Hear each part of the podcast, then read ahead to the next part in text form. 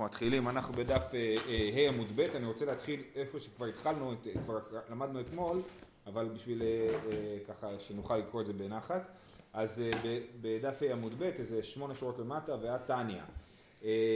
מצא שדה מצוינת, אז מה שאמרנו אתמול זה שמציינים, דיברנו על ציון הקברות, אמרנו שמציינים רק טומאה שמטמאת באוהל, טומאה שאינה מטמאת באוהל לא מציינים. ואז אה, אמרנו שיש טומאת, אה, יש בית הפרס, אז אמרנו שדה שנחרש בקבר היא לא מטמאת באוהל ולכן לא מציינים אותה, ושדה שעבד בקבר אז אה, היא כן מטמאת באוהל ולכן כן מציינים אותה. אז הגענו לבית ואז הגמרא מקשה על זה.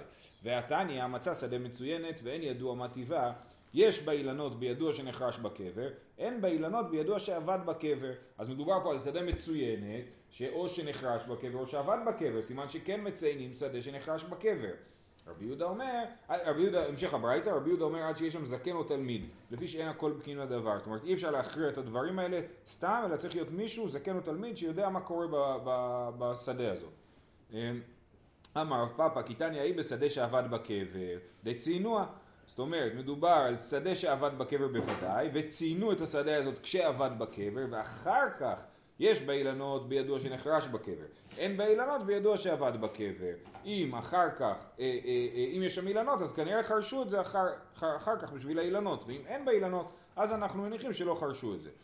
אה, אומרת הגמרא, רגע, אם, זאת, אם זה הסיפור, אז ולכו שדים האילנות מגבאי וקבר מבראי. אם אתה אומר שחרשו את זה בגלל האילנות, אז יכול להיות שחרשו רק את האילנות ואת השדה לא חרשו, ויכול להיות שהקבר הוא לפני האילנות. תשובה, כדאמר אולה בעומדים על הגבולין, ההכנה מבעומדים על הגבולין. מדובר שהאילנות עומדים על הגבול של רשות הרבים. אז לא יכול להיות שהקבר הוא לפני האילנות, כי ברשות הרבים לא קוברים.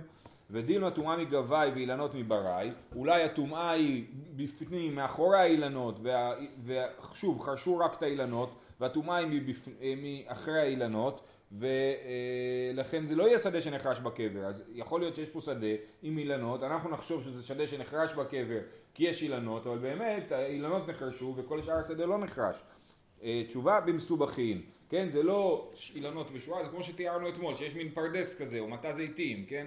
אה, אה, ש, שיש שם הרבה עצים, ובתוך השטח הזה זה מצוין. אז אני אומר, בתוך, בין כל העצים האלה בטוח שנחרש הקבר, ואני לא מניח שזה שדה שעבד בקבר, אלא שדה שנחרש בקבר. אה, זה תשובה אחת, והיא בהיתמה, המרן אין מרחיקין ציון ממקום טומאה שלא להפסיד את ארץ ישראל, וחוץ מזה, החש... כאילו הטענה שיכול להיות שהקבר רחוק מהאילנות הוא אה, חשש רחוק, כי אנחנו אמרנו שלא מרחיקין את הציון ממקום הטומאה, ולכן אם מצוין ליד האילנות סימן שהטומאה נמצאת בין האילנות. אה, רבי יהודה אומר, עד שיש שם זקן או תלמיד, לפי שאין הכל בקין בדבר, זה מה שאמרנו בהמשך הברייתא, זה אומר על זה דבר מאוד יפה, אמר אביי ישמע מינה צורבא מרבנן דאיכא במטה, כל מילי דמטה עלי רמיה, זאת אומרת אם יש, מדובר פה שיש פה איזה תלמיד בעיר, אז אומרים, זה שאתה גר בעיר, אז יש לך אחריות לעיר הזאת, אתה צריך לדעת מה קורה, אתה צריך לדעת מה קורה בבית הקברות, אתה צריך לדעת מה קורה במקווה, אתה צריך לדעת אה, איך הדברים אה, עובדים. כן, כל מילי דמטה עלי רמיה. אמר רב יהודה מצא אבן מצוינת אה, תחתיה טמא. אה, שתיים, אם יש סיד ביניהם טמא, ואם אין סיד ביניהם טהור. ביניהן טהור. אוקיי, עוד פעם. רב יהודה, כן, המורה רב יהודה אומר, שאם מצא אבן אחת מצוינת תחתיה טמא. מקשים פה שאתמול למדנו שלא שמים את הטומאה על ה, על ה, את הציון על הטומאה, כי אתה תלך, תלך, תלך, פתאום תראה שאתה עומד על טומאה. אז, אז פה כתוב שהיא מצאה אבן מצוינת תחתיה טמא. איך זה יכול להיות? אז עונים שיש פה אבן, האבן היא בולטת, היא גבוהה יותר, ולכן אין חשש שאתה תגיע עד לאבן ופתאום תראה שאתה עומד על הטומאה. אז אתה רואה את האבן ולא מתקרב אליה. אז אם יצאה אבן מצוינת, אני אומר הטומאה היא תחתיה. אם אני רוצה שתי אבנים מצוינות, אם יש סיד ביניהן, ביניהן טמא. אם אין סיד ביניהם, ביניהם טהור. זאת אומרת, אם יש סיד בין שתי האבנים, אני מניח שיש פה, שהאבנים באו לומר שהטומאה היא בין האבנים. אבל אם אין סיד בין האבנים, אז אני מניח שהטומאה היא אה, אה, רק מתחת לאבנים ולא באמצע ביניהם. אה, אם, אם אין סיד ביניהם, ביניהם טוב. שואלת הגמרא, ואף על גב דליקה חורש, אפילו שאין סימנים של חרישה בין שני האבנים, אני מניח שביניהם טהור, והתניא מצא אבן אחת מצוינת תחתי הטמא, שתיים, אם יש חורש ביניהם, ביניהם טהור, ואם לאו, ביניהם טמא. אם יש סימנים של חרישה בין האבנים, אז ביניהם טהור, ואם לאו, ביניהם טמא. ורב יהודה אמר שביניהם טהור גם בלי סימן של חרישה ביניהם. אז אה, יש פה קושייה לרב יהודה, איך הוא אמר את זה, אה, זה לא מסתדר עם הברייתא. אמר רב פאפא, האחא כשהסיד שפוח על ראשיהן, הוא מרודה לכאן ולכאן. אי איכא חורש ביניהם, ביניהם טהור, דאמור מחמת חורש ודאיקפל, ואי לא, סיד דביני ביני הוא וטמא. זאת אומרת, יש לי אה, אה, שתי אבנים עם סיד עליהן, והסיד הוא מרודה לכאן ולכאן, זאת אומרת הוא, הוא, הוא כאילו שפוך לכיוון, אחד לכיוון של השני. ואז אני מניח שלכאורה אם הסיד הוא ככה, אה, שפוך אחד לכיוון השני, זה בא בעצם להגיד שיש פה רצף בין שתי האבנים. עכשיו, אם יש חורש ביניהם, אז אני אומר, ביניהם טהור, למה? דאם המחרת חורש הוא דאיקפל, זאת אומרת הסיד זז ונשפך לכל מיני צדדים בגלל שהייתה שם חרישה באמצע, לכן הסיד נראה ככה, ובאמת זה, זה רק שתי אבנים טהורות, טמאות, והאמצע טמא. אבל אם אין חרישה ביניהם, אז אני רואה שככה ציינו מלכתחילה, וזה לא זז אחרי זה, כי אף אחד לא חרש באמצע, ולכן אני מניח שביני ביני הוא וטמא. אז שהטומאה בכוונה צוינה ככה בשביל להראות לנו שביני ביני טמא ולא טהור. לעומת זאת כשרבי יהודה, כשרב יהודה דיבר, הוא דיבר במצב ש... שזה לא, שזה לא מרודה לכאן ולכאן, אלא פשוט על ראשי האבנים בלי שום צדדים, ובמקרה הזה באמת, אם אין סיד ביניהם, אז ביניהם טהור. אמר רבי יוסי, אמר רבי אסי, אמר רבי אסי, מצר אחד מצוין, הוא טמא וכל השדה כולה טהורה. כן, יש מיצרים בשדה, אה, זאת אומרת אה, גבולות, והרב שטיינזרץ כותב שהיו נוהגים לעשות שהגבולות טיפה מוגבהים לעומת שאר השדה, גם כדי שזה יהיה בולט וגם כדי שיהיה אפשר ללכת על המיצר, אם אני זורע את כל השדה, אז המיצר שהוא מוגבע, עליו אפשר אה, ללכת מסביב. אז יש מיצר אחד מצוין, הוא טמא וכל השדה כולה טהורה. שניים הם טמאים וכל השדה כולה טהורה. שלושה הם טמאים וכל השדה כולה טהורה. זאת אומרת כל עוד ארבעה הם טהורים וכל השדה כולה טמאה.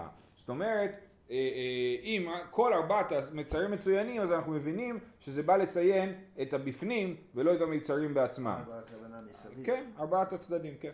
אה, דאמר מר אין מרחיקין ציון במקום טומאה שלא להפסיד את ארץ ישראל.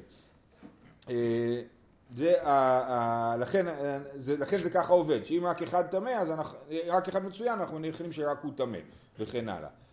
זהו, סיימנו עם ציוני קברים אה, ועוברים לענייני כלאיים. כתוב במשנה שבכל המועד יוצאים אף על הכלאיים. זאת אומרת, שלוחי בית דין יוצאים אה, לראות שאין בשדות כלאיים, ואם יש בשדות כלאיים, אז הם אה, מתקנים את זה, ונראה בהמשך בדיוק מה הם עושים. אומרת הגמרא, והכלאיים בחולו של מועד נפקינן, ורמינו, זה משנה שלמדנו במסכת שקלים, באחד באדר משמיעים על השקלים ועל הכלאיים, וחמישה עשר בו קוראים את המגילה בכרכים, ויוצאים לכווץ את הדרכים ולתקן הרחובות, ולמול המקוואות, ועושים כל צורכי הרבים, ומציינים את הקברות ויוצאים על הכלאיים. אז יש פה קושייה. עכשיו יש פה קושייה על הקושייה. זאת אומרת, הקושייה היא שהגמרא מקשה זה למה כתוב שיוצאים על הכלאיים בחול המועד, הרי כתוב שיוצאים על הכלאיים בט"ו באדר. והקושייה על הקושייה זה שאפשר להקשות מהמשנה הזאת מלא, עוד מלא דברים. הרי במשנה שלנו כתוב שיוצאים בחול המועד מתקנים את הדרכים ומקבצים את הרחובות ומעודדים את המקוואות ובמשנה במסכת שקלים כתוב שכל זה קורה בט"ו באדר. בסדר? את זה הגמרא לא מקשה. אז אה, אה, תוספות קצת מתמודד עם זה ובירושלמי הם, הם באמת מנסים לתרץ את כל אחד מהדברים ש, שלא מסתדרים. בסדר? אז זה... אה, אה, אז אוקיי, אז אנחנו חוזרים לענייננו, שיש לנו את הסתירה בין לעניין כלאיים, האם יוצאים על זה בט"ו באדר או בחול המועד פסח. אה, תשובה רבי אלעזר ורבי יוסי בר חנינא. אחד אמר כאן בבכיר, כאן באפיל. אחד אמר כאן בזרעים, כאן בירקות. אז שתיהם בעצם עונים תשובה, תשובות דומות. אחד אומר שיש את הזרעים האפילים וזרעים הבכירים, אה, אה, זאת אומרת זרעים, זאת אומרת של דגן אה, יש את המוקדמים יותר, שזורעים אותם מוקדם יותר, ואז אפשר לבדוק את הכלאיים מוקדם כבר בט"ו באדר, ויש את הזרעים המאוחרים יותר, ש... כן, ש, אה, שזורעים אותם מאוחר יותר, ולכן אפשר לבדוק אותם רק בחול המועד פסח. ואחד אמר כאן בזרעים כאן בירקות, זאת אומרת את הזרעים בודקים, בודקים מוקדם, את הירקות שזורעים מאוחר יותר בודקים מאוחר יותר.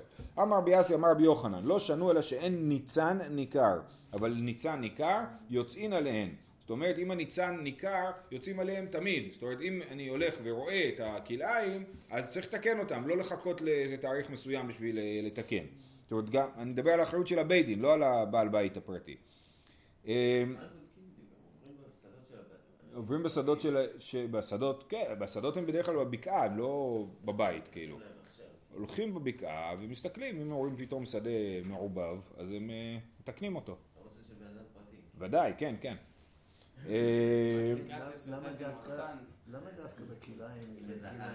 למה דווקא הם יוצאים? פעיל, כן. כן, אה, אני חושב שזה משהו, אני חושב שזה משהו עם פרהסיה, זאת אומרת, כל אחד שעובר בשדה רואה שהנה שדה כלאיים ואף אחד, כולם שותקים, אני גם נעשה כלאיים. בפועל, כן. הכלאיים באים מעספיא, כן, כן, נכון, נכון. אה, אה, הכלאיים הרבה פעמים הם לא באים בכוונה תחילה, אלא אה, מתערבבים לי הזרעים, אני קוצרתי את החיטה השנה ובתוך החיטה היה מעורבב לי קצת לא יודע מה, כן, סורה זה לא בהכרח כלאיים עם חיטה, אני לא זוכר, אבל חיטי וסורה זה כן, כן כלאיים. אז בקיצור, אז קצרתי, ואז שנה אחרי זה, אני מאותה תבואה אני זורע ומעורבב שם זה. אז באמת יש בדבר הזה דין שתכף נגיע אליו שאחד מ-20, פחות מ-1 מ-24 זה בסדר. זאת אומרת אם יש פחות מ-1 מ-24 שעורה בתוך שדה חיטה, סבבה אפשר להשאיר. יותר מ-1 מ-24 אז אה, זה, למדתי את זה עם נווה לפני איזה חמש שנים. הכלל בכליים זה שאם זה נראה נפרד זה. אם זה נראה נפרד, כן. אם זה נראה נפרד זה נפרד. אה, עכשיו אנחנו ממשיכים, אה, אמר אה, יפה, שואלת הגמרא מה ישנה בחומו לא של מועד דנפקינן למה דווקא בחול המועד? תעשה את זה בחופשה לפני פסח. אמר רבי יעקב אמר רבי יוחנן משום שכר פעולה דמוזלי גבן. זאת אומרת הפועלים זולים יותר בחול המועד. בניגוד להיום שמשלמים שעות נוספות לאנשים שעובדים בחופשה אז בזמנם זה הפוך. שיש חופשה אז יש אנשים שמחפשים עבודה עכשיו יש לנו שיטה שככה אנחנו גם פוסקים להלכה שמי שעני ואין לו מה יאכל מותר לו לעבוד בחול המועד כי הוא צריך לאכול אז צריך uh, לעבוד כן? אז לוקחים כאלה אנשים שחייבים לעבוד ומשלמים להם וזה יותר זול כי אין להם עבודה אחרת אז הם מוכנים להיסחר בפחות כסף. uh, אמר רב זביד וייתם הרב משעשיה שמע מינה? כי אבינן להו שכר מתרומת הלשכה יאבינן להו דיסלקא דייתך מדידו יבין להו מי נפקא למיניו כל כמה דבאו ליתן להו. זאת אומרת היינו אה, יכולים לחשוב שמי ישלם על התיקון של הכלאיים? בעל השדה. באים לשדה, אומרים לו יש לך כלאיים, תשלם לנו 100 שקל, אנחנו מכריחים אותו, תשלם קנס, כאילו, לפועלים, והם אה, מתקנים לו את השדה. אז, אז זה לא, עובדה שאנחנו אכפת לנו להוזיל את העלויות. למה אכפת לנו להוזיל את העלויות? סימן שזה יוצא מתרומת הלשכה, מהכסף הציבורי, ולא מהכסף הפרטי של הפושע שעשה את הכלאיים. אז שמע מינה כי יבין לנו מסחר מתרומת הלשכה יבין לנו ליסר כדאיתך מדידו יבין לנו מי נפקן למיניו כל כמה דבאו ליתן לו ניתן לפועלים כמה שהם מבקשים מה אכפת לנו שהבעל השדה ישלם יותר? ועד כמה מתי זה נחשב כליים זה כמו שאמרנו מקודם אמר שמואל בר יצחק כאותה ששנינו כל שאה שיש בה רובע זרע ממין אחר ימעט. כן רובע זה רבע קו אה, אה, קו יש שש קבין בשאה ורובע הקו זה 1 מ-24 בסאה. אז אם יש 1 מ-24 בסאה, אה, אה, אז ימעט, אז צריך לתקן את השדה. אה, איך יודעים את זה? כאילו, אתה מסתכל בשדה, אוקיי, זה קשה לדעת. נכון. יש את הדברים הברורים, נכון? אם יש הרבה זה ברור, אם יש מעט זה ברור, אם יש גבולי זה בעייתי. באמת הדין הזה של רובע הקו זה באמת נאמר לגבי הזורע. לפני שהוא זורע הוא מסתכל אם יש לו רובע הקו, אבל מזה אנחנו לומדים שאחד מ-24 זה הדין. שאומרת הגמרא ימעט והתניא התקינו שיהיו מפקירין כל השדה כולה, כן? אמ, אתה אומר שצריך למעט, זאת אומרת באים הפועלים, השליחי בית דין, רואים שיש כלאיים בשדה, מה הם עושים? מנקשים את הכלאיים, יוציאו את כל השעורה מתוך החיטה ויגידו שלום. כתוב והתניא התקינו שיהיו מפקירין כל השדה כולה, לא קשיא, כאן קודם תקנה, כאן לאחר תקנה. כן, הייתה תקנה, דתניא. בראשונה היו עוקרין ומשליכין לפני בהמתן. והיו, אז מה היו עושים? הפועלים היו עוקרים, ואיפה היו זורקים את זה בצד? והיו היו באות הבהמות של בעל הבית ואוכלות את, ה, את מה שעקרו. והיו בעלי בתים שמחים, שתי שמחות. אחת שמנקשים להם שדותיהם, ואחת שמשליכים לפני בהמתם, הרי גם בעל הבית לא רוצה שיהיה לו שעורה מעורבבת בתוך החיטה שלו, אין לו אינטרס בזה. הוא לא הקפיד קודם, אבל גם מצד שני זה לא שהוא מרוויח מזה, אז הוא שמח על הדבר הזה. התקינו שיהיו עוקרין ומשליכין על הדרכים. אז אמרו, טוב, אנחנו לא נשליך את זה בתוך השטח שלך שתביא את הבהמות שלך, נשליך את זה בחוץ, ואז לא, אתה לא תהנה מזה. ועדיין היו שמחים שמחה גדולה, שמנגשים שדותיהן. התקינו שיהיו מפקירין כל השדה כולה.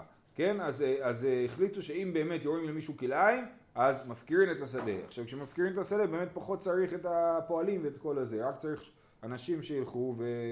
ויחליטו איפה יש כלאיים ויפקירו את השדה. מה זה יפקירו את השדה? זה לא שהשדה לא שייך, אני חושב, זה לא אומר שהשדה לא שייך את הבן אדם, את התבואה, את היבול הזה. כן, בדיוק. אמ, אז זה מה שקורה. זהו, משנה הבאה. ואם זה הפקר אז אין בעיה של כלאיים כבר. אה, שאלה טובה. שאלה טובה, אני לא יודע. לא. כן, עדיין יש בעיה של כלאיים. מעניין. אה, כן, אומרים זה הפקר, אז כולם באים לקחת. כולם מביאים את הבהמות שלהם לראות שם, אני יודע. רבי אליעזר בן יעקב אומר, זה המשך של תחילת המשנה, אמרנו משכין בית, בית השלכין במועד ובשביעית, נכון? רבי אליעזר בן יעקב אומר, מושכין את המים מאילן לאילן, ובלבד שלא ישקה את כל השדה. זרעים שלא שתו לפני המועד, לא ישקם במועד, וחכמים מתירים בזה ובזה. אז יש פה שתי דבר, שני דברים. אחד זה מושכין את המים מאילן לאילן, ובלבד שלא ישקה את השדה, אז כנראה שמדובר פה על שדה בעל ולא שדה שלחין. כן, אז יש לי שדה, בתוך השדה יש גם אילנות וגם אה, אה, ירקות או, או זרעים, נכון? אז אנחנו אומרים שאתה לא, וזה שדה בעל, אז לא משקה את כל השדה, רק מאילן לאילן. האילן יש לו דין כאילו של אה, שדה אה, בית השלכין, ושאר השדה לא. אה, וחוץ מזה, זרעים שלא שתו לפני המועד, אם זרעתי זרעים אבל לא התחלתי להשקות אותם עדיין, בצורה משמעותית, ממילא אם לא נבטו, אם הם לא נבטו, אז לא נורא אם אני אשקה אותם, לא אשקה אותם. אם הם כבר נבטו, אז זה אה, הפסד גדול, כי כל מה שנבט והתחיל לשתות ואז מתייבש, ימות. אז אה, זרעים שלא שתו לפני המועד לא ישכם במועד. וחכמים מתירים בזה ובזה. חכמים חולקים על המשנה שלנו, וכנראה גם על המשנה הקודמת, אה, אה, ואומרים שמותר להשקות את כל השדה כשיש שם אילנות ומותר להשקות זרעים שלא שתו לפני המועד. משמע שהם חושבים שגם כשאין הפסד, הרי מה אמרנו במשנה הקודמת? במשנה הקודמת אמרנו בגמרא שהתנא של המשנה חשב שא' שהרווחה אסורה ופסיידה אה, מותר וגם פסיידה מותר רק אם זה לא טרחה מרובה. אז אנחנו רואים פה שחכמים חושבים שגם הרווחה מותרת, אה, סליחה, גם, כן, אה, זרעים שלא שתו לפני המועד זה בסדר גמור, אתה יכול להשקות אותם כבר מעכשיו. אמר רב יהודה, אם הייתה שדנה מתוננת, מותר. זאת סוגיה לא, לא ברורה לגמרי, אחד הס... מתוננת, עם ט'. למה? זרעו בטונה. אז זרעו טונה. אז באמת זה לא ברור מה זה מתוננת, אוקיי? מה רש"י מסביר פה? דרך אגב, הערה כללית על המסכת, הרש"י זה לא רש"י, בסדר? זה דבר אה, מקובל ומוסכם. שרש"י על מסכת מועד קטן זה לא רש"י, כנראה שזה פירוש שהוא קדום לרש"י, זאת אומרת פירוש אשכנזי מהעולם מגרמניה, אה, אה, אה, שהוא קדום לרש"י. יש פירוש רש"י על מסכת מועד קטן שנדפס לפני, אני חושב משהו כמו מאה שנה, כן? הוא לא מושלם גם כן, אבל, אבל יש מישהו שהדפיס את זה. בכל אופן אנחנו נמשיך לקרוא לזה רש"י כי זה נמצא בצד הפנימי של העמוד ושיהיה לנו נוח. אז מה רש"י מסביר? מה זה שדה מתוננת? אומר רש"י לחה ויבשה, כן? אם הייתה שדה מתוננת, לחה ויבשה. אז זה שדה מתוננת. אז אם הייתה שדה מתוננת, מותר. עכשיו, על מה רב יהודה מדבר? על הרישה של המשנה או על הסיפה שלה? האם הוא מדבר על השדה עם האילנות, ואומר לא ישקט השדה, אבל אם הייתה מתוננת מותר, ככה רש"י מסביר, וביאור אה, אה, הגר"א מביא הסבר אחר, שאם הייתה שדה מתוננת מותר הולך על הסיפה. על לא ישקה את כל השדה זרעים, אה, זרעים שלא שתו לפני המועד לא ישקם במועד, ואם הייתה שדה מתוננת מותר. בכל אופן, אנחנו נלך לפי הפירוש הפשוט, שאומר שדה מתוננת, שדה שהייתה רטובה לפני, אז עכשיו מותר להשקות אותה. למה מותר להשקות אותה עכשיו? אה, אה, כנראה, לפי רש"י זה יהיה בגלל שיש בזה הרבה הפסד. היא הייתה מתוננת, הייתה רטובה, דברים נבטו, או, או לא יודע, רגילים למים, ועכשיו היא התייבשה, אז אני צריך להשקות אותה. הסבר נוסף יהיה שזה קשור לשאלת הטרחה. אם אם זה שדה שהיא לחה באופן טבעי יותר, כן, לא יודע, היא בבקעה באיזשהו אגן ניקוז, היא לחה יותר, אז והתייבשה, אני מותר להשקות אותה, כי בקלות אני משקה אותה, רק צריך לשים קצת מים והיא כבר חוזרת להיות אה, לחה. אה, תניא נמי אחי, כשאמרו אסור להשקותן במועד, לא אמרו אלא בזרעים שלא שתו לפני המועד. אבל זרעים ששתו לפני המועד מותר להשקותן במועד. את זה ראינו במשנה. ואם הייתה שדה מתוננת מותר, משמע לא כמו רש"י אלא כמו מה שהגרא הביא בשם הטור, שזה על הסיפא, זאת אומרת אם היו זרעים ששתו, שלא, שתו, ששתו לפני, שלא שתו לפני המועד, עדיין הייתה שדה מתוננת מותר. ואין, ממשיכה הברייתא, ואין משכין שדה גריד במועד. וחכמים מתירים בזה ובזה. השדה מתוננת מותר, ושדה גריד, שזה שדה יבשה, אותה לא משכין בחול המועד. וחכמים, כמו שראינו במשנה, חולקים ומתירים בזה ובזה. גם אה, בשדה מת, אה, מתוננת כנראה, וגם בשדה גריד. אמר אבינה, שמע מינה, וכנראה רבינה אומר שמע מינה מדעת חכמים, שמתירים להשקות שדה גריד בחול המועד, היי תרביצה שרי לתרבוצי בכל הדמועדה. מה זה תרביצה? זה גינה. אומר רש"י שרי לתרבוצי לזלף עליה מים. לתרבוצי זה כאילו בקטנה, זה לא להשקות ממש, אלא אה, להביא קצת מים. אף על גב דליקה פסיידה, לתרבוצי להשקות, לשון אין מכבדין ואין מרביצים, היינו השקעה פורתא, כדי שיצאו הירקות. אז, אז הוא אומר, אני לומד משיטת חכמים שמותר להשקות קצת את הגינה, למה? בחול המועד. שדה גריד מאי תמה, למה בשדה גריד מותר לפי חכמים? דאפלה משבי אלי חרפה. כי מה אתה עושה בשדה גריד? אתה לא היית, זה לא היה מתייבש אם אתה, התבואה אולי, לא הייתה מתייבשת אם לא היית משקה, אבל זה, הפיל היה נהיה חריף, זאת אומרת אתה היית גורם לזירוז של הצמיחה של הדברים. ומותר בשדה גריד לפי חכמים להשקות בשביל לזרז את הצמיחה. החינמי גם בגינה, כשאתה אה, מרביץ גינה, החינמי אפלה משב אלי חרפה. בסדר? זה, ככה רש"י קורא את הדבר. אה, יש כאלה שקוראים את המשפט האחרון בתור קושייה. זאת אומרת, אה, אמר אבינה שמע מנהי תרביץ השער יתרבוצה בכל עוד מועדה ואז אומרים לו מה פתאום? למה אסור להשקות שדה גריד ואפלה משב אל החרפה ובכל זאת אסור? החינמי אפלה משב אל החרפה ואסור בסדר? וככה הרמב"ם פוסק שאסור לא כמו שכתוב פה שמותר אני, אני מצטער סיבכתי אותך, זו פשוט באמת סוגיה לא ברורה ושאפשר לקרוא אותה בכל מיני uh, צדד, כיוונים. Uh, תנו רבנן, מרביצים שדה לבן בשביעית, אבל לא במועד, כן, מותר להשקות, אמרנו להרביץ זה לא להשקות ממש, אלא להשקות קצת, לזלף מים, מרביצים שדה לבן בשביעית, אבל לא במועד, שדה לבן זה שדה תבואה, הוא לבן מהחיטה שהיא יבשה, היא לבנה כזאת. Uh, ועד תניא מרביצים בין במועד, בין בשביעית, אז יש לנו ברייתא, כן? אחת שכתוב שלא מרביצים במועד, והשנייה כותבת שכן מרביצים במועד.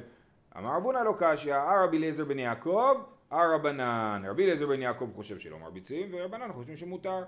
תניא אידך, אה, כן, תניא אידך מרביצים שדה לבן ערב שביעית כדי שיצאו ירקות בשביעית, ולא עוד אלא שמרביצים שדה לבן בשביעית כדי שיצאו ירקות למוצאי שביעית. כן, זה ברייתא מפתיעה לדעתי, שאומרת שמותר להשקות אם אסור להשקות בשנת שמיטה בשביל שיצאו ירקות בשנת שמיטה, אבל מותר להשקות לפני בשביל שיצאו ירקות בשמיטה, ומותר להשקות בשנת שמיטה בשביל שיצאו ירקות אחרי שנת שמיטה. אה, זה מפתיע, כן? זה גם אה, לכאורה לא מסתדר מגזירת ספיחים, לפחות לפי שיטת הרמב"ם, אה, הדבר הזה שהוא יגיד מה זה יצאו ירקות בשביעית. אסור לאכול את הספיחים. זה גם להשקות או רק לזרוע?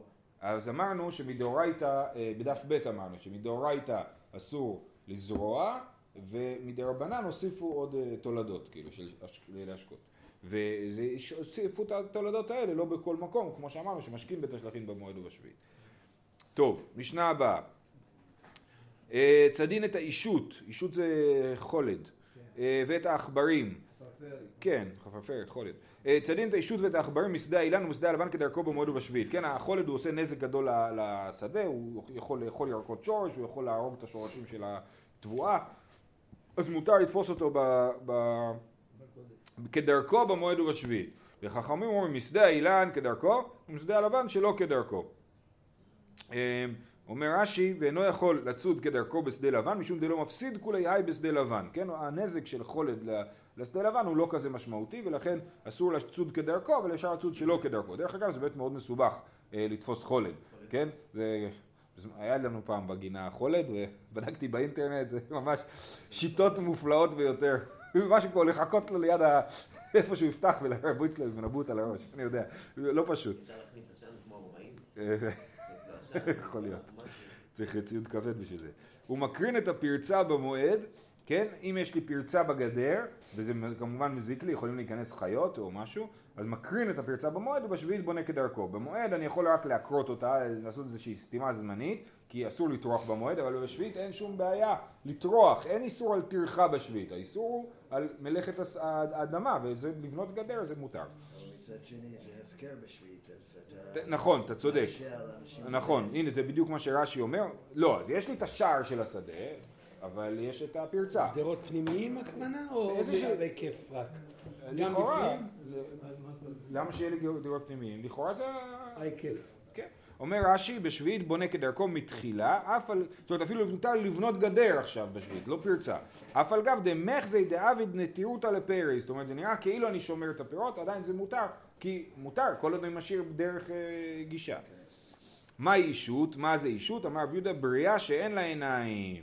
אמר רבא בר ישמעאל, כן, באמת העיניים של החולד מנוונות, ואיתי מר רב יימר בר שליימה, מה יקרא? כמו שבלול תמס יהלוך, נפל אשת בעל חזו שמש. אז נפל אשת בעל חזו שמש, אז אשת זה האישות, והם לא רואים את השמש. אז כמו שהשבלול הוא נמס כשהוא הולך, כן, הוא משאיר את הריר על הרצפה, אז אה, אה, נפל אשת בעל חזו שמש.